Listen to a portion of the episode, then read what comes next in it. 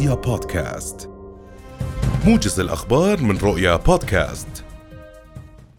قال وزير الزراعة خالد الحنيفات اليوم إن الأردن على أتم الاستعداد لاستضافة مرصد إقليمي للأمن الغذائي ومركز آخر للإغاثة والمساعدات الطارئة لتعزيز الأمن الغذائي في المنطقة.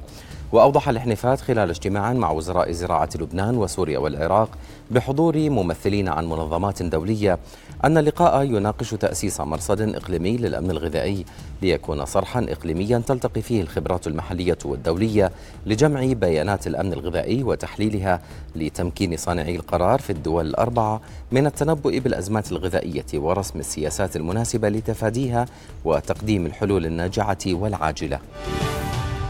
تعقد اللجنة القانونية في مجلس الأعيان اليوم جلسة لمناقشة مشروع قانون معدل لقانون خدمة العلم والخدمة الاحتياطية لسنة 2022 كما تناقش اللجنة مشروع قانون معدل لقانون خدمة الضباط في القوات المسلحة الأردنية لسنة 2022 وتأتي مناقشة مشروعي القانونين بعد أن أقرهما مجلس النواب خلال جلساته الأسبوع الماضي.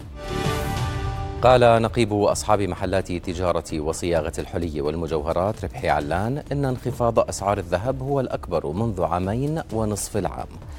وأضاف علان في حديث لرؤية اليوم أن الانخفاض على أسعار الذهب محليا جاء نتيجة رفع الفيدرالي الأمريكي لأسعار الفائدة وانخفاض قيمة العملات والمعادن الثمينة أمام الدولار مشيرا إلى أن هناك إقبالا على شراء الذهب لغايات الادخار والاستثمار واصفا الأسعار الحالية بالمغرية.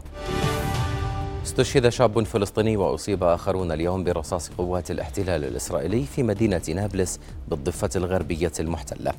وذكرت مصادر أمنية أن ثلاثة فلسطينيين على الأقل أصيبوا بالرصاص الحي وتم نقلهم لتلقي العلاج مضيفة أن قوات الاحتلال اعتقلت شابين في مدينة نابلس.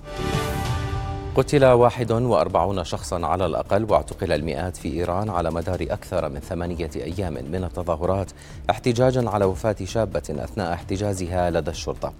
وتنفي السلطات الإيرانية أي ضلوع في وفاة مهسا أميني البالغة من العمر 22 عاما.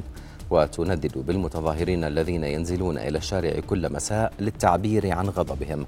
وتوفيت الشابة الكردية بعدما بقيت ثلاثة أيام في غيبوبة إثر توقيفها في العاصمة الإيرانية بتهمة ارتدائها لباسا غير محتشم.